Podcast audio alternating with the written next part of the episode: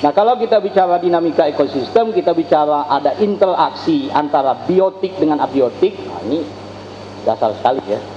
Lalu kemudian ada jangka pendek, ada jangka panjang, ada global versus lokal, ada yang jangka panjang, yang temporal. Tambah sekarang itu adalah peningkatan aktivitas manusia. Selanjutnya deh. Saya ingin cerita sedikit ya, secara geologi. Jadi 200 juta tahun yang lalu, dunia ini tidak seperti ini. Ya, dunia ini tidak seperti ini. Uh, evolusi tumbuhan segala macam itu setelah itu ya. Tapi geologi kita tuh mengatakan seperti ini, ya. Ini ini bahkan belum setelah kita ini satu benua. Dulu ada satu benua namanya Pangea, benua besar, lalu kemudian berubah mem, mem, membelah, ada menjadi Gondwana, Afrika, Australia, Amerika Latin, ya, lalu kemudian ada uh, Laurasia. Kita Asia ini benua tua, Amerika Latin itu benua muda. Makanya apa hutan tropis di Amerika Latin itu sering disebut sebagai neotropik atau hutan tropis. Kita itu tidak selamanya di, di, di, di Katulistiwa dulu. Kita Indonesia itu pernah di Katulistiwa. Anda lihat, uh, saya tidak punya pointer ya. Jadi yang di dekat Afrika itu ada pulau kecil, Madagaskar, lalu ada India. India itu naik ke atas, ya. Jadi uh, boleh boleh boleh saya contoh ya. Jadi saya ingin menunjukkan saja ya. Jadi apa yang terjadi? Ini India ya. Ini Madagaskar. India itu bergerak naik ke atas. Naik ke atas. Ketika India naik ke atas, kita lebih turun ke bawah. Di sini terbentuk palung sepanjang makanya namanya tectonic plate. Apa uh, apa uh, apa plate tektonik itu ya. Karena kita itu di ring of fire. Seperti yang Mbak Uli sampaikan tadi bahwa kita rentan bencana India itu naik ke atas, masuk ke Asia, itu kenapa kuning India sering disebut sebagai Asia Minor atau Asia Kecil. Dia dorong ke Asia, Himalaya terbentuk, sepanjang jalan itu dia bentuk Bukit Barisan. Panjang dia naik itu Bukit Barisan terbentuk. Jadi seperti tadi itu Bukit Barisan itu uh, yang namanya Bukit Barisan itu kan range. Range itu apa beda gunung sama sama bukit? Apa beda gunung sama bukit sama barisan? Ya. Jadi kalau yang disebut barisan itu sebenarnya dia gunung gunung barisan barisan itu range. Range itu artinya apa? Gunung yang tidak terputus. Makanya tadi Bu Uli bilang tadi itu dari Aceh dari ujung Aceh uh, Pulau Weh Aceh sampai ke ke Teluk Semangka itu itu adalah sesar. Bentuknya adalah bukit barisan. Yang itu kita sebut sebagai sesar Semangka. Kenapa saya ingin mengatakan ini? Karena ini ada pun dampak ekologi. Dampak ekologi bagi kita di Bengkulu yang di pesisir barat, dampak ekologi bagi provinsi lain yang berada di pesisir timur, ya. Karena nanti apa? Kondisi lingkungannya beda-beda, manajemennya beda-beda. Jadi kalau kata Dahlan Iskan itu tidak ada negara itu yang maju atau berkembang. Yang ada itu negara yang termanajemen atau tidak termanajemen. Masalahnya manajemen kita itu tergantung apa kita punya, ya. Karena itu pengelolaan lingkungan di Riau dengan kita di Bengkulu itu beda. Pengelolaan kita di Sumatera dengan Australia itu beda. Ya. Di, di Australia itu misalnya tidak ada konflik tambang itu, sedikit sekali konflik tambang. Kenapa? Karena tambangnya di tengah gurun. Ya paling ya konflik sama kangguru kan? Seperti itu. Tidak ada orangnya. Kita, tambang kita dekat dengan orang. Lari ke sungai, sungai yang dipakai kita, hingga konfliknya besar. Jadi itu yang terjadi. Lagi ini saat ini tropis sudah berkembang, lalu kemudian ada hutan tropis, distribusinya mulai dari apa? Dari kita sampai ke apa? Ke Brazil sampai ke Kongo di Afrika. Lalu ada nanti fungsi ekologinya, berbagai tipe ekosistem di tropis. Lanjut. Oke. Nah sekarang kalau kita lihat Sumatera, kalau kita lihat Sumatera, jadi ada beberapa hal ini, Bapak Ibu. Saya ingin mengatakan sedikit saja. Ini yang tadi ya, disebut Bu Uli tadi yang uh, apa uh, apa patahan mentawai segala macam itu yang bergerak ya. Kita itu strange ya bergerak terus. Jadi uh, apa uh, tremor atau gempa itu pasti terjadi. Bukit Barisan. Lalu Bukit Barisan, Sumatera itu juga itu dulu dibentuk oleh kejadian Danau Toba Danau Toba itu puncak gunung api. Jadi Pulau Samosir itu kaldera. Pulau Samosir itu puncak gunung api ketika itu yang meledak, uh, meledak kemudian asapnya itu sampai debunya itu sampai ke Afrika. Ya, katanya berpengaruh terhadap Ice Age ya, Go, apa uh, zaman zaman es. Lalu juga ada tesisnya. Kita ini dulu sebenarnya Sundaland, bukan Sunda Empire ya. Sunda Empire itu sudah dilanggar ya. Jadi Sundaland betul ya. Jadi kita dulu nyatu dengan Asia ya. Nyatu dengan Asia. Jadi dengan semenanjung apa? Semenanjung Malaya dengan uh, Borneo, dengan Filipina, dengan Jawa. Namanya Sundaland. Kalau kita ingat lagi pelajaran ada apa? Garis Wallacea. Wallacea itu di sini karena ini uh, Sulawesi Papua itu karakteristik ekologinya beda dengan kita. Lalu satu lagi kuncinya, satu lagi kuncinya adalah bahwa Sumatera di bagian barat dan timur itu berbeda. Ya kan? Jadi ini karena bentukan palung sama tekanan apa ketika India bergerak ke atas tadi itu ya. Jadi nasib nasib nasib nasib apa? Nasib Sumatera ini ditentukan oleh nenek moyangnya Sarukan dulu ya. Kita lihat kenapa kemudian bencana ekologis di Sumatera bagian barat dengan Sumatera bagian timur itu berbeda. Ekologi ini juga berbeda. Terbentuk, kita kemudian langsung terbentuk bukit barisan di Sumatera bagian timur landai. Ekologi yang terbentuk berbeda. Ekosistem yang terbentuk berbeda, ya. Kalau kita 30 kilo sudah naik langsung. Dari Bengkulu ke arah Kepayang, 30 kilo langsung naik Bukit Barisan. Sampai ke Kepayang, sampai ke Curug. Terus dari Curug ke apa? Ke Padang Ulak Tanding, alhamdulillah selamat sampai ke Linggau ya kan? Kalau tidak dikadang kan? Lalu kemudian uh, sampai ke uh, ke mana ke Linggau ke Linggau sampai ke Muara Nim sampai ke mana? Sampai ke Palembang datar ya kan? Atau kalau nanti tol sudah jadi ya tidak tahu ada pendukung tol atau tidak pendukung tol ya. Apa timur atau barat itu beda. Jadi kalau kita pergi dari Pekanbaru ke Medan beda kita pergi dari Padang ke Sibolga ya kan? Itu menunjukkan tantangan yang kita hadapi itu beda-beda. Kita di sini bencana ekologisnya banjirnya kemungkinan sangat besar. Ya. Muara Saung, Pak Anang sering ke Muara Saung. Ada, ada Muara Saung di Kaur ya. Dulu ingat zaman batu akik itu kan? Zaman batu akik itu kan ada apa namanya batu teratai. Sumbernya di Muara Saung banyak.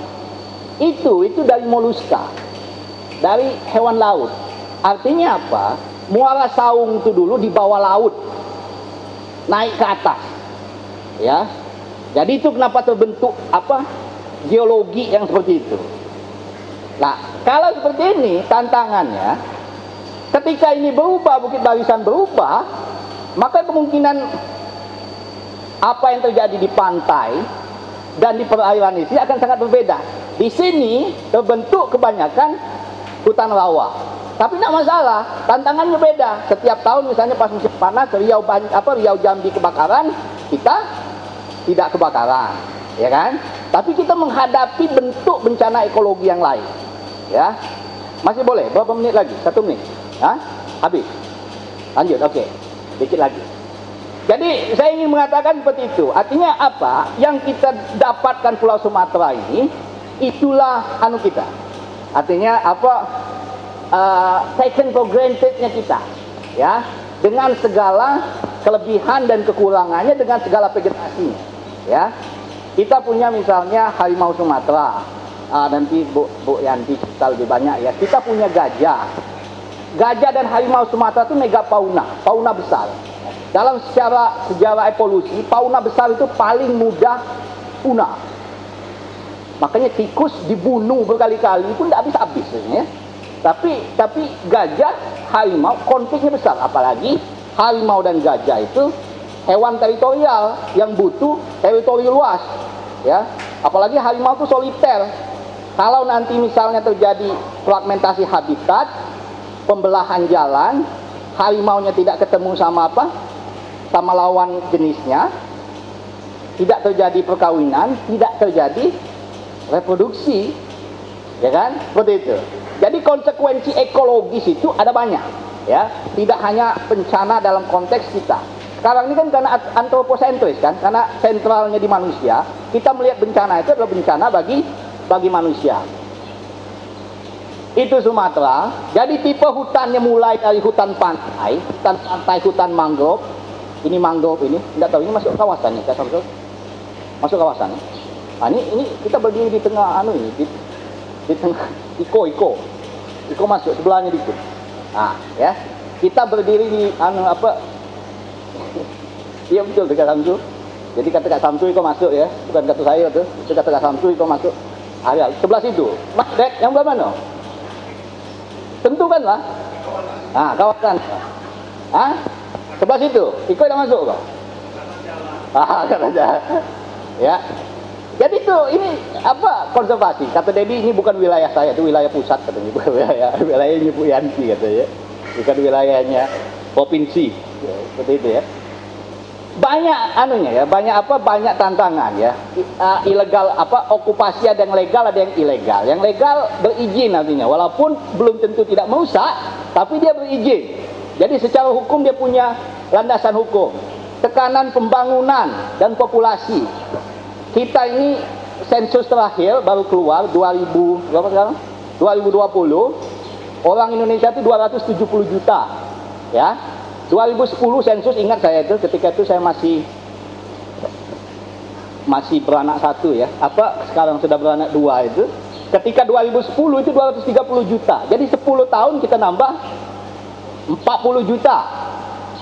40 juta. Jadi kita itu sudah eksponensial. Jadi maksud saya ini tantangannya itu ya ke depan kemungkinan pembangunannya seperti itu lagi boleh Sumatera Jawa terpadat tapi Sumatera itu terpadat kedua setelah Jawa. Ya, artinya apa? E, tantangan apa peningkatan populasi itu semakin besar. Ya. Kita punya itu, lalu kemudian jenis hutan yang macam-macam. Jenis hutan di pesisir ada mangrove, ada hutan pantai, ada hutan dataran ada hutan dataran tinggi yang di bukit barisan itu. Ketika rusak jelas apa potensi eko apa seperti yang disampaikan moderator tadi, potensi bencana, bencana ekologisnya bakal sangat besar ya uh, bisa kita apa bisa kita avoid enggak? bisa kita hindari enggak? bisa bisa tapi kondisinya banyak artinya prasyaratnya banyak ya. Seperti itu. Status dan fungsi di Sumatera itu kita punya hutan konservasi kita punya tiga nasional apa taman nasional yang besar TNGL Gunung Lausel Taman Nasional Provinsi Sebelat Taman Nasional Bukit Barisan Selatan itu jadi warisan dunia. 2 juta setengah hektar ya. 2 juta setengah hektar. Tapi kondisinya kondisinya TNKS dan yang lain-lain itu itu masih jauh lebih bagus Taman Nasional itu ketimbang hutan lindung dan hutan produksi kalau hutan produksi jelas ya hutan produksi kan memang untuk produksi kayu ya kan artinya apa potensi bencana itu sangat besar ketika dia berubah Sedikit lagi. Sedikit lagi lagi. Ini Bengkulu. Uh, Pak Samsu lebih tahu nih. Ini apa? Dari Dinas Kehutanan lebih tahu nih ya. Jadi kita punya 900-an ribu lebih kawasan hutan. Ini lagi ya. Manajemen hutan di Bengkulu itu mestinya beda dengan manajemen hutan di provinsi lain. Kita punya 900 ribu lebih, hampir 46 persen kawasan hutan di Beng, apa uh, area lahan di Bengkulu itu adalah kawasan hutan. Tetapi hampir 50 persennya adalah taman nasional yang menjadi kewenangan pemerintah pusat. Kita punya 250 lebih hutan lindung. Lalu kita punya cuma sekitar 900 900-an 190 ribuan hutan produksi. Jadi kalau ditanya ke Bengkulu itu produksi kayu, memang semestinya tidak ada dalam tanda petik kecil produksi kayunya karena hutan produksi kita kecil. Beda dengan Sumatera Selatan yang komposisi hutan produksi ini jauh lebih besar di hutan gambut segala macam itu. Tetapi dia punya tantangan yang berbeda. Jadi kalau kita di Bengkulu sebenarnya memang areanya itu apa arahnya itu adalah arah konservasi, ya. Jadi saya pikir itu saja sebagai pengantar ya. Jadi jadi sebagai pengantar bahwa bahwa kondisinya sekarang hutan lindung kita itu paling sekitar mungkin sekitar 36 40-an persen yang masih hutan primer, hutan lindung ya yang itu untuk melindungi kita itu. Kalau hutan produksi jelas jauh lebih lebih itu lagi hutan primernya tidak ada lagi hutan sekunder, ya kan? Kawasan apa konservasi Taman Nasional itu masih sekitar 70-an persen itu masih 70-an 80-an persen itu masih hutan primer plus hutan sekunder ya satu halaman lagi lah kalau masih boleh masih boleh ya satu halaman lagi ah ini ya jadi hutan dan iklim Pak Anang nanti bicara lah. Saya, saya apa? Saya nyampaikan sedikit aja. Gimana hubungannya antara hutan dan iklim? Tadi sudah disampaikan ya. Jadi sebenarnya ada empat itu. Jadi bagaimana hutan itu mempengaruhi iklim. Ada siklus karbon, ada siklus hidrologi, ada apa refleksi energi panas sama interaksi jangka pendek dan jangka panjang ya. Jadi kalau siklus hidrologi jelas ya. Pertanyaannya semakin banyak hutan apakah semakin bagus? Iya di, semakin bagus ya. Cuma kenapa kenapa semakin banyak hutan apakah semakin bagus? Sebenarnya bagus tidak itu relatif. Tapi semakin banyak tutupan itu, dia itu regulator. Regulasinya semakin baik. Ya. Jadi mesin oli mobil itu diganti terus. Tidak dipaksa bekerja tapi tidak diganti-ganti olinya. Berhenti di tengah jalan. Gitu ya. Regulatornya bagus ya jadi siklus hidrologi tadi ya, dia bisa meregulasi air itu masuk ke dalam tanah, bisa meregulasi air itu keluar ke udara, sehingga dia bisa meregulasi, kalau kata Pak Anang itu, curah hujan. Ya, curah hujannya orografi yang dari dari pegunungan. Ya, kan seperti itu. Saya pakai jas ini bukan berjuis ya, karena dingin. Kata Pak Anang, berapa hari ini tambah dingin. Ya, jadi agak dingin ya. Lalu kemudian siklus karbon. Karbon, CO2 di udara, tumbuhan itu sequestration, melepas dan me, menyerap dan mendisposisi cadangan karbon paling besar itu sebenarnya di tumbuhan ini. Jadi di, di tubuhnya itu ketika terbakar dia terlepas ke udara. Ketika hutan habis yang menyerap itu semakin sedikit. Jadi kalau kita bicara misalnya emisi karbon di Indonesia itu sering kali emisi karbon di Indonesia itu ada emisi asumsi. Emisi asumsi artinya apa? Kalau kita punya luas hutan sebanyak ini, maka yang terserap sebanyak ini, ketika kita kehilangan, kehilangan hutan deforestasi, maka kita kehilangan kemampuan menyerap. Nah, seperti itu. Sehingga besar emisi kita. Lalu kemudian kalau terjadi kebakaran hutan, jelas gitu ya. Dan interaksi itu bisa jangka panjang, bisa jangka pendek ya. Mungkin sekarang penurunan secara mikro juga apa suhu sekarang lebih dingin. Perubahan iklim enggak? Sekarang lebih dingin katanya. Ya Panang, tadi Panang bicara itu ya tapi kemudian regulasi itu yang penting, ya. Regulasi iklim itu yang dilakukan oleh vegetasi. Kalau likuidasi kita selama ini yang terjadi karena bencana alam, pergerakan lempeng tektonik atau sesar. Jadi likuidasi misalnya sekarang kan kita ada pemetaan tuh. Misalnya rawa makmur itu rentan terhadap likuidasi karena memang struktur tanahnya. Nah, seperti itu. Jadi secara itunya mungkin nanti bisa dianukan ke orang geofisika geologi geologi ya, geologi geologi bisa ditekan tapi pada prinsipnya ketika terjadi perubahan itu bisa bisa mempengaruhi sistem tapi seberapa besar perubahan yang terjadi sistemnya terpengaruh itu harus di, dianukan secara saintifik lalu uh, yang ditanyakan oleh saudara Hendo tadi sebenarnya yang jawab ini ada ada dari dinas kehutanan dia bisa jawab juga nanti jadi seperti ini, kalau saya memandangnya, kalau ditanya ke saya ya, saya bukan ahli politik, bukan ahli ekonomi juga. Tetapi pasal 33 undang-undang kita itu kan cabang produksi yang menguasai hajat hidup orang banyak. Pertanyaannya undang-undang kita itu walaupun di amandemen itu tidak berubah sejak eh, sempat berubah sebentar ya. Sejak 17 Agustus atau 18 Agustus ketika PPU PKI apa 7 sampai sekarang. Tetapi kita lihat Semuanya mengatakan mengacu ke situ kan? Tapi kalau kita lihat rezimnya kan berubah-ubah. Soekarno dengan Soeharto dengan zaman reformasi itu kan rezimnya berubah-ubah. Rezim pengelolaan hutan itu juga berubah-ubah deh. Tahun 65 sampai Soekarno dalam tanda petik apa dipang itu ya, tidak berfungsi lagi itu. Tidak ada yang namanya konsesi hutan. Penanaman modal asing itu keluarnya tahun 66, undang-undang 66 atau 67, tapi yang tanda tangan Pak Soekarno. Ketika itu dia sudah dipang, tidak berfungsi, tapi dia masih presiden. Penanaman modal asing. Kawasan hutan dibuka untuk transmigrasi. Untuk apa? Untuk hajat hidup orang banyak tadi. Ode baru karena deplomentalisme ya. Tapi undang-undangnya kan masih sama itu. Undang-undang 45 juga. Kawasan hutan dibuka, diberi konsesi hutan. 5% orang Indonesia menguasai sebagian besar konsesi hutan itu. Tahun 90 90-an baru kemudian ada sustainable forest management. Tahun 98 semuanya kolap, perusahaan hutan kolap. Sampai sekarang. Nah. Jadi apa jawabnya itu Pak Uli? Jadi kalau dibilang tadi welfare state, negara kesejahteraan, um, bisa jadi ya. Uh, kalau menurut saya kita negara Pancasila. Kalau negara kesejahteraan itu kan seperti Inggris sama Perancis itu ya. Uh, jadi negara kesejahteraan itu subsidinya besar. Jadi kalau misalnya negara kesejahteraan, subsidi di semua negara itu ada. Kalau kita sekarang masih setuju subsidi subsidi BBM dengan BBM yang disubsidi, itu bukan negara kesejahteraan. Kalau BBM diserahkan ke apa mekanisme pasar, tetapi kita mensubsidi orang yang terdampak, itu negara kesejahteraan. Seperti itu ya. Jadi kita itu di tengah-tengah lah, kalau menurut saya ya. Tapi saya setuju bahwa cabang-cabang produksi harus mensejahterakan. Tetapi kesejahteraan itu ada dua. Jadi maksud saya seperti apa SDA ini. SDA itu tambang itu sebenarnya kalau saya tambang, kalau menurut saya kalau seperti tambang batu bara, saya setuju sebenarnya itu bisnis elit sebenarnya.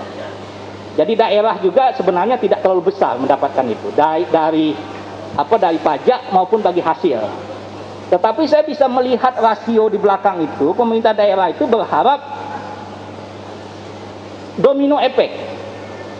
Jadi kalau hasil tambang itu kemungkinan tidak dapat di kita, tetapi nilai investasi segala macam. Tetapi bebannya besar, artinya apa? Dampak lingkungannya bakal besar dan itu sering kali tidak tidak dihitung bahwa itu sebenarnya beban ekonomi, beban daerah. Jadi ketika lingkungan rusak, sungai rusak, yang mana daerah. Ketika pemulihan lingkungan, itu sebenarnya beban ekonomi, tetapi itu sering tidak masuk. Makanya sekarang bahkan munculnya Green New Deal. Jadi apa apa apa uh, bukan hanya New Deal tapi Green New Deal. Tapi itu lebih kanu ya. Sebenarnya lebih ke kita lebih ke sosialisme. Tapi gitu tuh. Jadi kalau ditanya kalau kita sekarang, kalau tanya ke saya, menurut saya kita belum menjalankan menjalankan itu. Nanti mungkin kalau Pak Jokowi sini bisa ditanya nanti.